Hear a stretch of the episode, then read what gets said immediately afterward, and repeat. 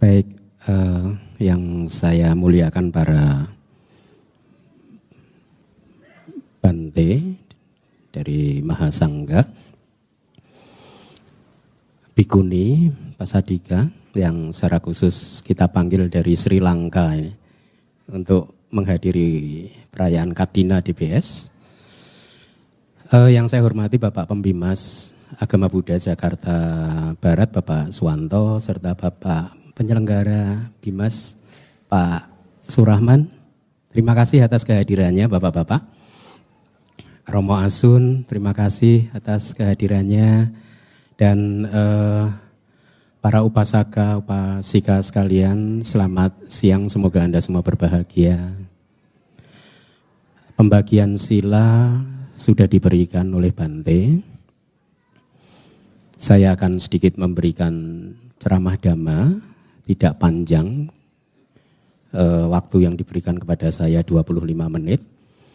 Saya akan mencoba untuk memberikan kebijaksanaan-kebijaksanaan yang diajarkan oleh Buddha yang ada di kitab-kitab kita ya semata-mata supaya apa yang hendak nanti Anda semua lakukan yaitu e, mempersembahkan jubah katina bisa menjadi satu tidak hanya kebajikan ya, tetapi menjadi satu praktek parami kesempurnaan.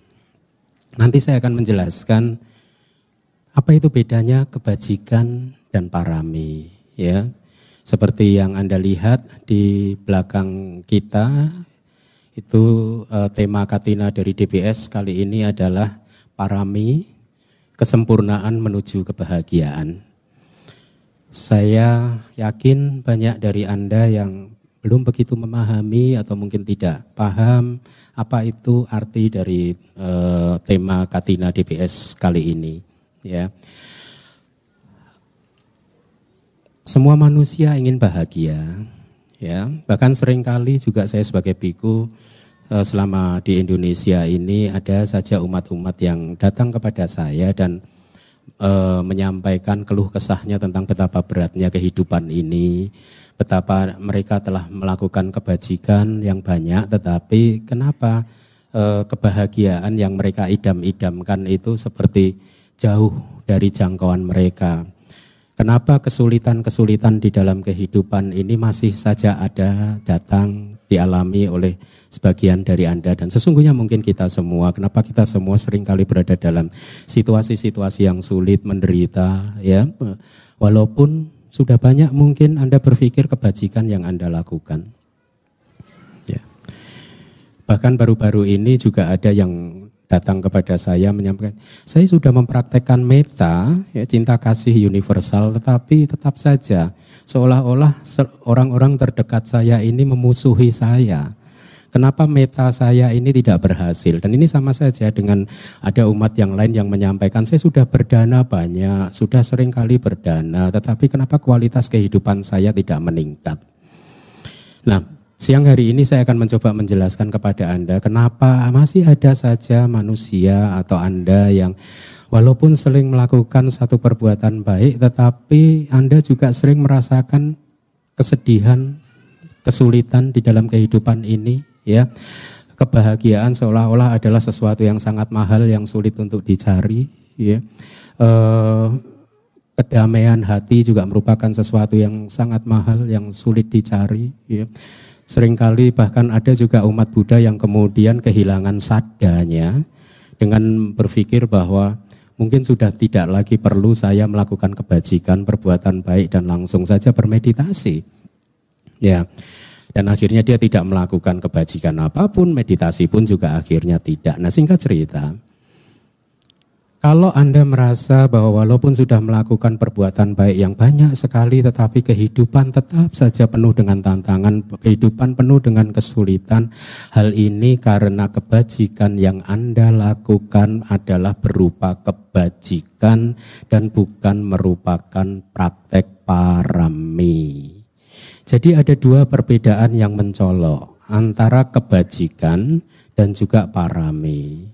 Di dalam kebajikan kita mengenal ada sepuluh landasan perbuatan baik. Salah satunya adalah berdana. Di dalam praktek parami kita mengenal 10 parami. Salah satunya juga ada yang disebut dana parami. Lalu apa yang membuat keduanya berbeda? Yang membuat keduanya berbeda adalah motivasi, suasana hati, pikiran sebelum Anda melakukan perbuatan tersebut, pada saat Anda melakukan perbuatan tersebut dan sesudah Anda melakukan perbuatan tersebut. Itu yang membedakan praktek dana sebagai kebajikan dan juga dana sebagai parami. Ya, saya akan coba uh, sampaikan di dal, uh, definisi dari kebajikan dari perbuatan baik yang ada di dalam eh, kitab-kitab kita. Yang disebut kebajikan itu mencakup tiga poin yang saya ingin Anda mencamkannya di dalam hati supaya Anda bisa membedakan antara kebajikan dan parami.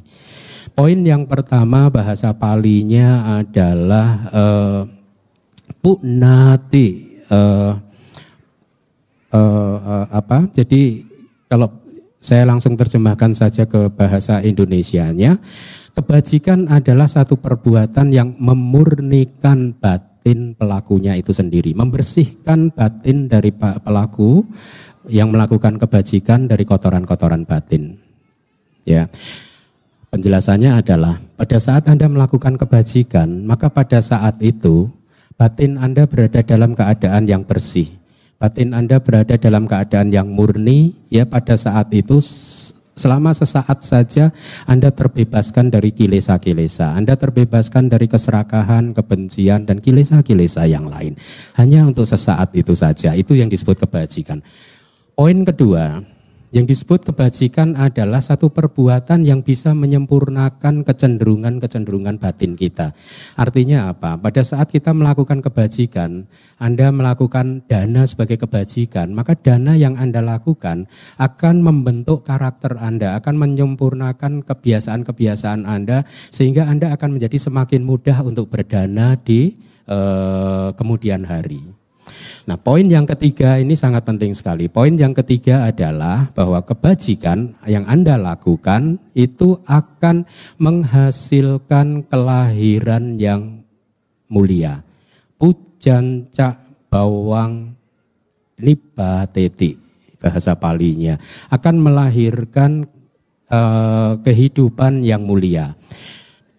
Poin ketiga ini menjadi penting sekali uh, untuk dipahami karena dari poin yang ketiga ini memberikan pemahaman kepada kita bahwa kebajikan apa pun itu yang disebut kebajikan, sepuluh kebajikan, kalaupun dia berbuah maka buahnya ada di dalam samsara. Kalau Anda berdana, ya.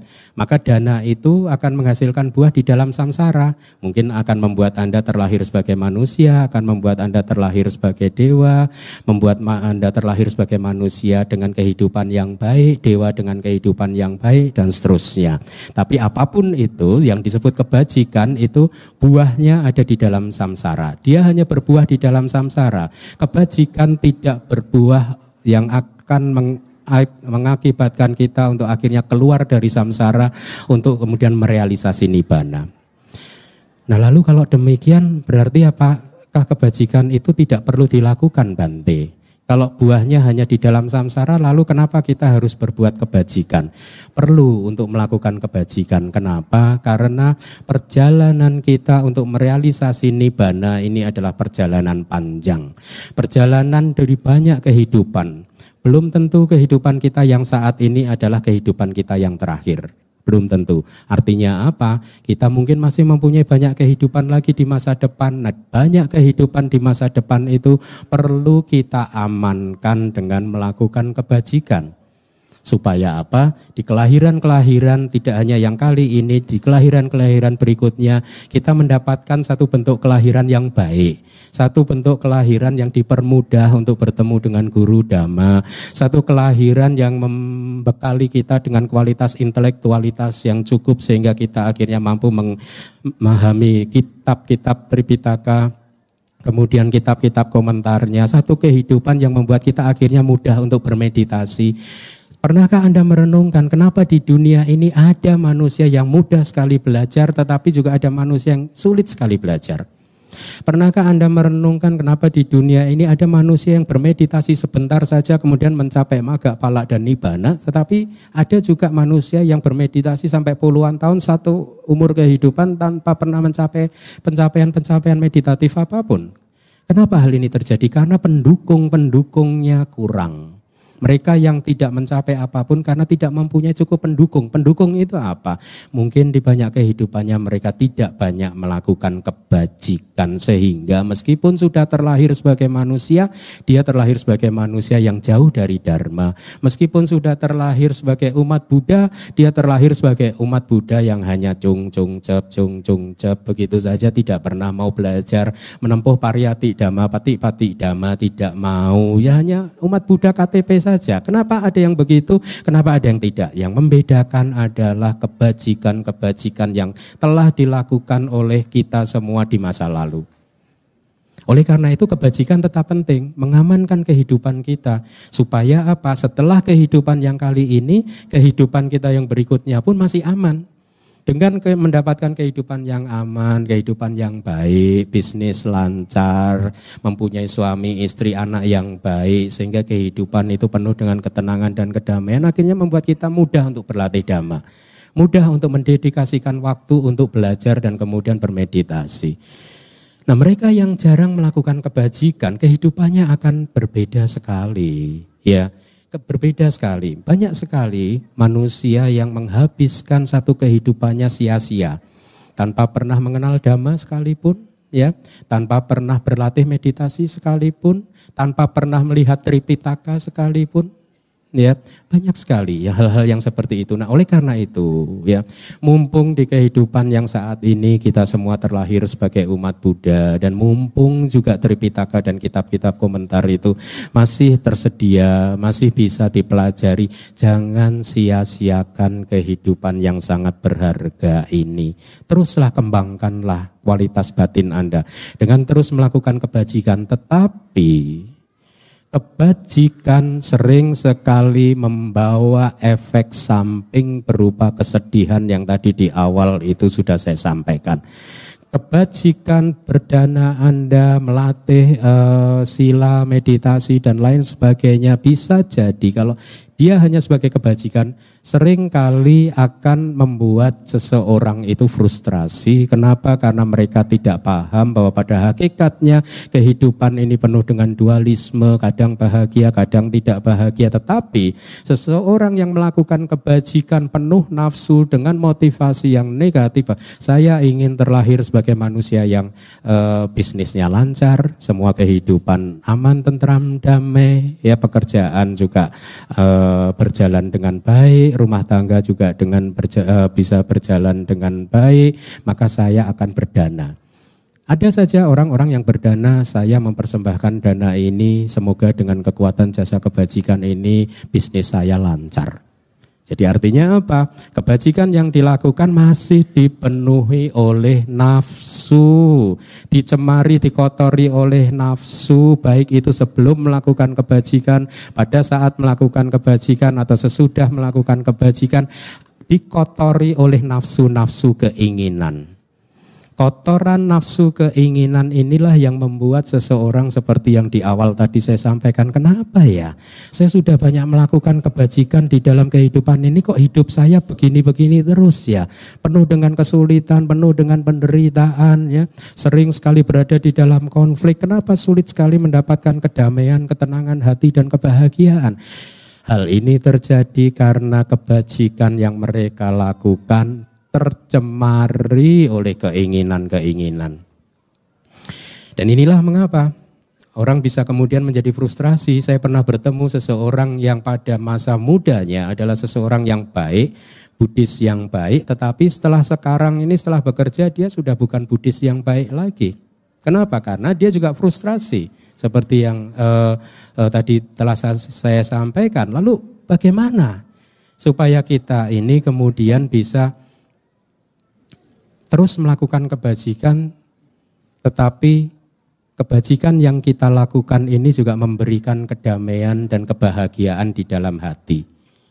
Yang harus kita lakukan adalah melakukan apa yang disebut parami. Jadi ini berbeda. Kalau tadi kebajikan, buah dari kebajikan itu akan berbuah di dalam samsara, parami akan mendukung kita untuk keluar dari samsara. Ya.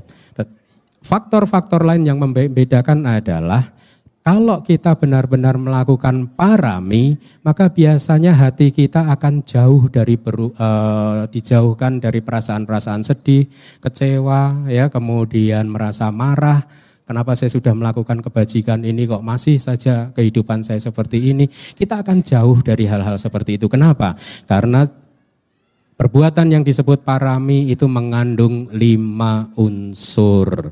Unsur yang pertama bahwa dana Anda itu terbebas dari nafsu.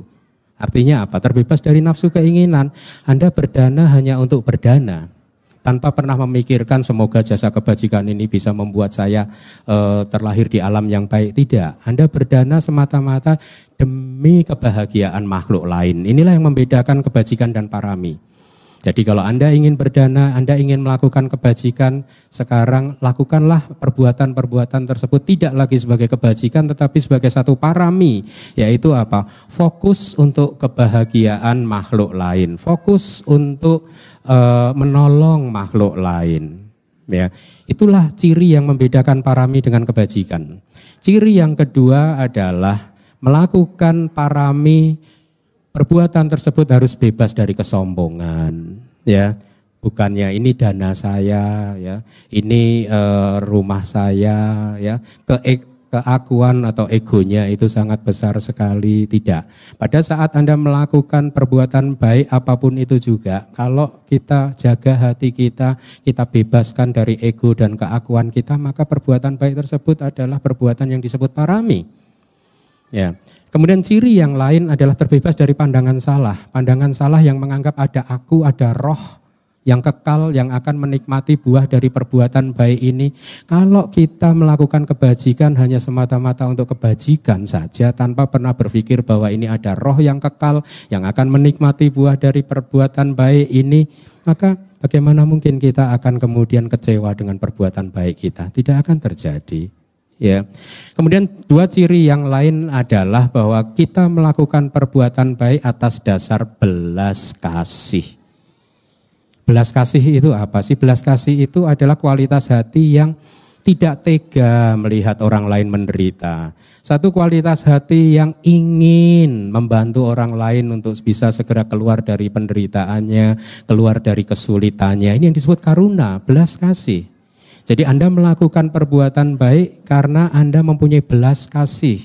Kalau sebentar lagi Anda mau berdana, Anda berdana kepada sangga karena Anda ingin apa? Uh, anda mempunyai belas kasih kepada sangga dan Anda ingin sangga ini segera terbebas dari segala bentuk penderitaannya, maka itu praktek parami, itu praktek karuna. Poin kelima yang sangat penting adalah bahwa parami, dana parami harus dilakukan dengan cara yang terampil. Upaya kosala bahasa palinya. Cara yang terampil. Ya, jangan kemudian mentang-mentang saya ingin membahagia, membahagiakan makhluk lain, tetapi kemudian kita tidak menggunakan cara-cara yang terampil. Kalau kita tidak menggunakan cara-cara yang terampil, itu sering kali apa yang kita lakukan itu bersumber berpusat pada ego kita. Kita hanya memikirkan diri kita sendiri bahwa pokoknya saya ingin membantu orang lain.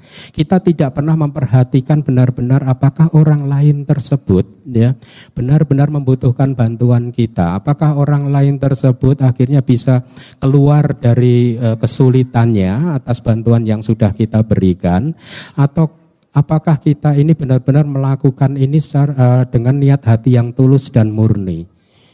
Pada suatu hari, ada seorang tiga sahabat, eh, ada tiga sahabat. Tiga sahabat ini laki-laki semua. Mereka bersahabat sudah sejak dari masa kecil dan bersahabat selama puluhan tahun hingga pada saat hari itu mereka semua berusia 20 tahun dan kebetulan Tiga sahabat ini, tiga laki-laki ini sama-sama mempunyai hobi berpetualang. Pada suatu hari mereka sepakat bahwa mereka akan masuk ke salah satu hutan yang angker, ya. Kemudian e, mereka karena di tengah hutan itu ada danau yang katanya sangat indah sekali, ya.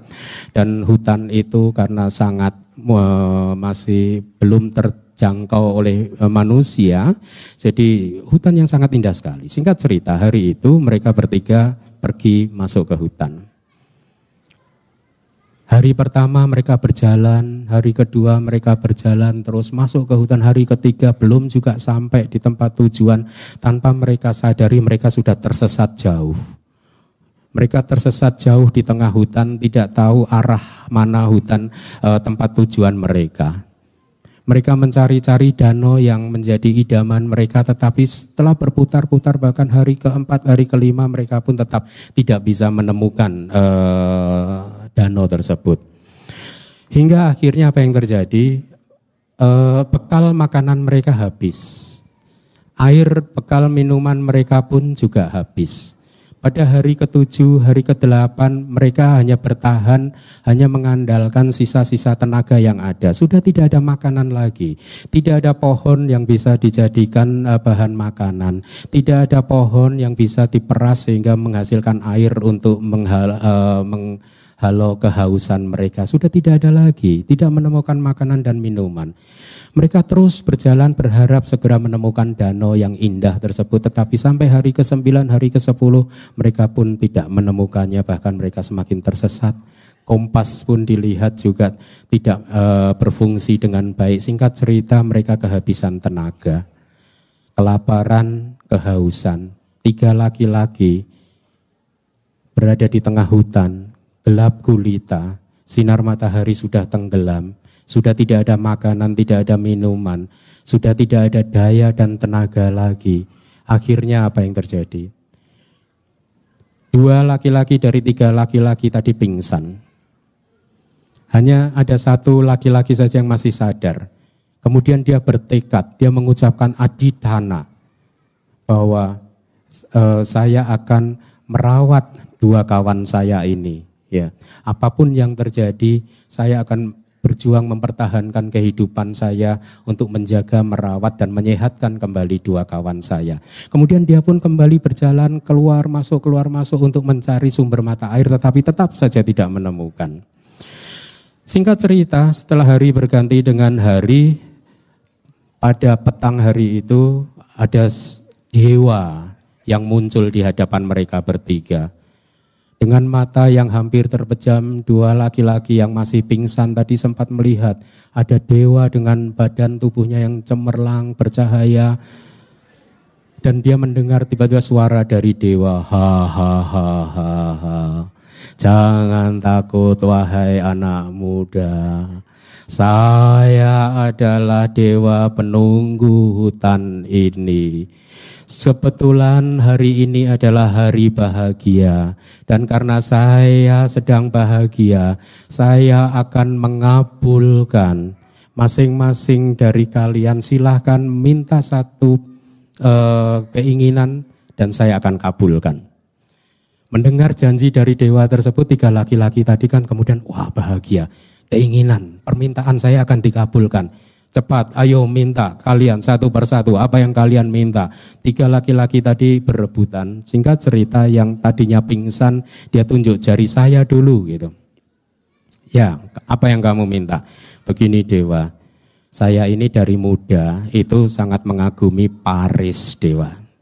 Sayang di kehidupan yang kali ini saya terlahir di Indonesia Dewa Kalaupun ada satu permintaan dari saya Dewa, boleh enggak kalau saya tiba uh, apa uh, bisa menjadi uh, apa hidup di Paris? Dewanya pun kemudian tertawa, ha ha ha ha. Permintaan kamu mudah sekali. Saat ini juga saya kabulkan. Celing. Orang tersebut hilang. Dan kemudian muncul di Paris. Hidup bahagia.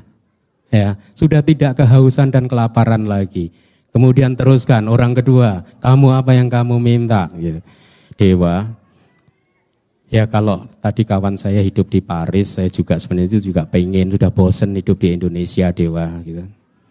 Saya ingin hidup di Thailand Dewa, supaya bisa jadi biku yang baik di Thailand Dewa. Kemudian dewanya juga berkata, ha, ha, ha, permintaan yang mudah sekali. Satu, dua, tiga, ting, hilang juga. Dan orang tadi pindah ke Thailand. Dan um, hidup berbahagia di Thailand. Kemudian dewanya bertanya lagi kepada orang yang ketiga, kamu apa permintaan kamu? Begini loh dewa, saya itu tadi sudah bersumpah dewa sudah beraditana dewa. Katanya kalau aditana itu kan harus dipenuhi terus dewa. Baru saja saya itu beraditana beberapa hari yang lalu. Apa aditana kamu? Ya itulah yang menjadi satu permintaan saya Dewa. Begini Dewa, beberapa hari yang lalu saya sudah bersumpah, bertekad untuk menghabiskan sisa kehidupan saya untuk merawat dua sahabat saya itu Dewa. Tapi kan sekarang Dewa memisahkan kami semua Dewa. Jadi saya kan bingung. Jadi kalaupun ada satu permintaan dari saya Dewa, tolong please kembalikan mereka berdua ke sini lagi Dewa. Karena saya ingin merawatnya Dewa. ha, ha, ha, ha. Permintaan kamu mudah sekali. Tring, yang di Paris kembali, yang di Thailand kembali.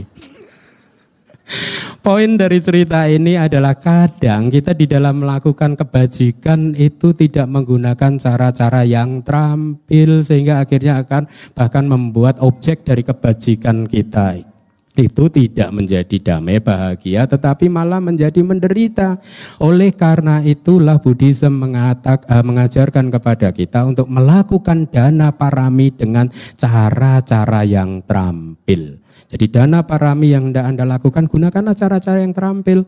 Bebaskan hati Anda dari nafsu keinginan apa pun. Anda berdana semata-mata berdana karena belas kasih Anda kepada Sangga. Karena Sangga telah berjuang keras tidak hanya belajar Tripitaka tetapi juga bermeditasi, berjuang untuk mencapai maga, palak dan nibana dan atas dasar belas kasih Anda mensupport Sangga. Kemudian yang kedua adalah berdanalah dengan suasana hati yang terbebas dari kesombongan. Ini uh, jangan membanding-bandingkan dana Anda dengan dana yang lain. Jangan membanding-bandingkan besar dana Anda dengan besar dana orang yang lain. Bebaskan dari kesombongan. Kemudian bebaskan dari pandangan salah bahwa Anda hanyalah makhluk dari uh, yang terdiri dari lima agregat, ya tidak ada roh yang kekal, bahwa Kehidupan ini tidak kekal, sadarilah bahwa kehidupan ini tidak kekal dan dengan demikian Anda terbebas dari pandangan salah. Kemudian yang keempat, lakukanlah dana parami ini uh, dengan benar-benar hati yang dipenuhi oleh karuna dengan belas kasih. Dan yang terakhir dengan cara yang terampil persembahkan dana Anda dengan tangan kedua tangan Anda ya. Dengan penuh perhatian kemudian bersujudlah kepada sangga dengan penuh sada bakti ya dengan demikian Anda telah melakukannya dengan cara-cara yang terampil bukan mempersembahkan dana ini bante ya, bukan tapi lakukanlah dengan cara yang baik. Dengan melakukan perbuatan yang seperti itu, maka dana Anda menjadi dana parami. Dan kalaupun ini semakin berkembang, semakin menguat, maka parami Anda akan mendukung Anda untuk uh, mencapai maga, palak, dan nibana, jalan buah dan nibana, dan kemudian Anda, kita semua bisa keluar dari samsara, terbebas dari segala bentuk penderitaan. Semoga kita semua bisa merealisasi maga, pala, dan nibana. Semoga kita semua bisa terus berlatih untuk kemudian secepatnya keluar dari samsara. Terima kasih. Sadu, sadu, sadu. Terima kasih Bante atas dhamma desananya. Berikutnya.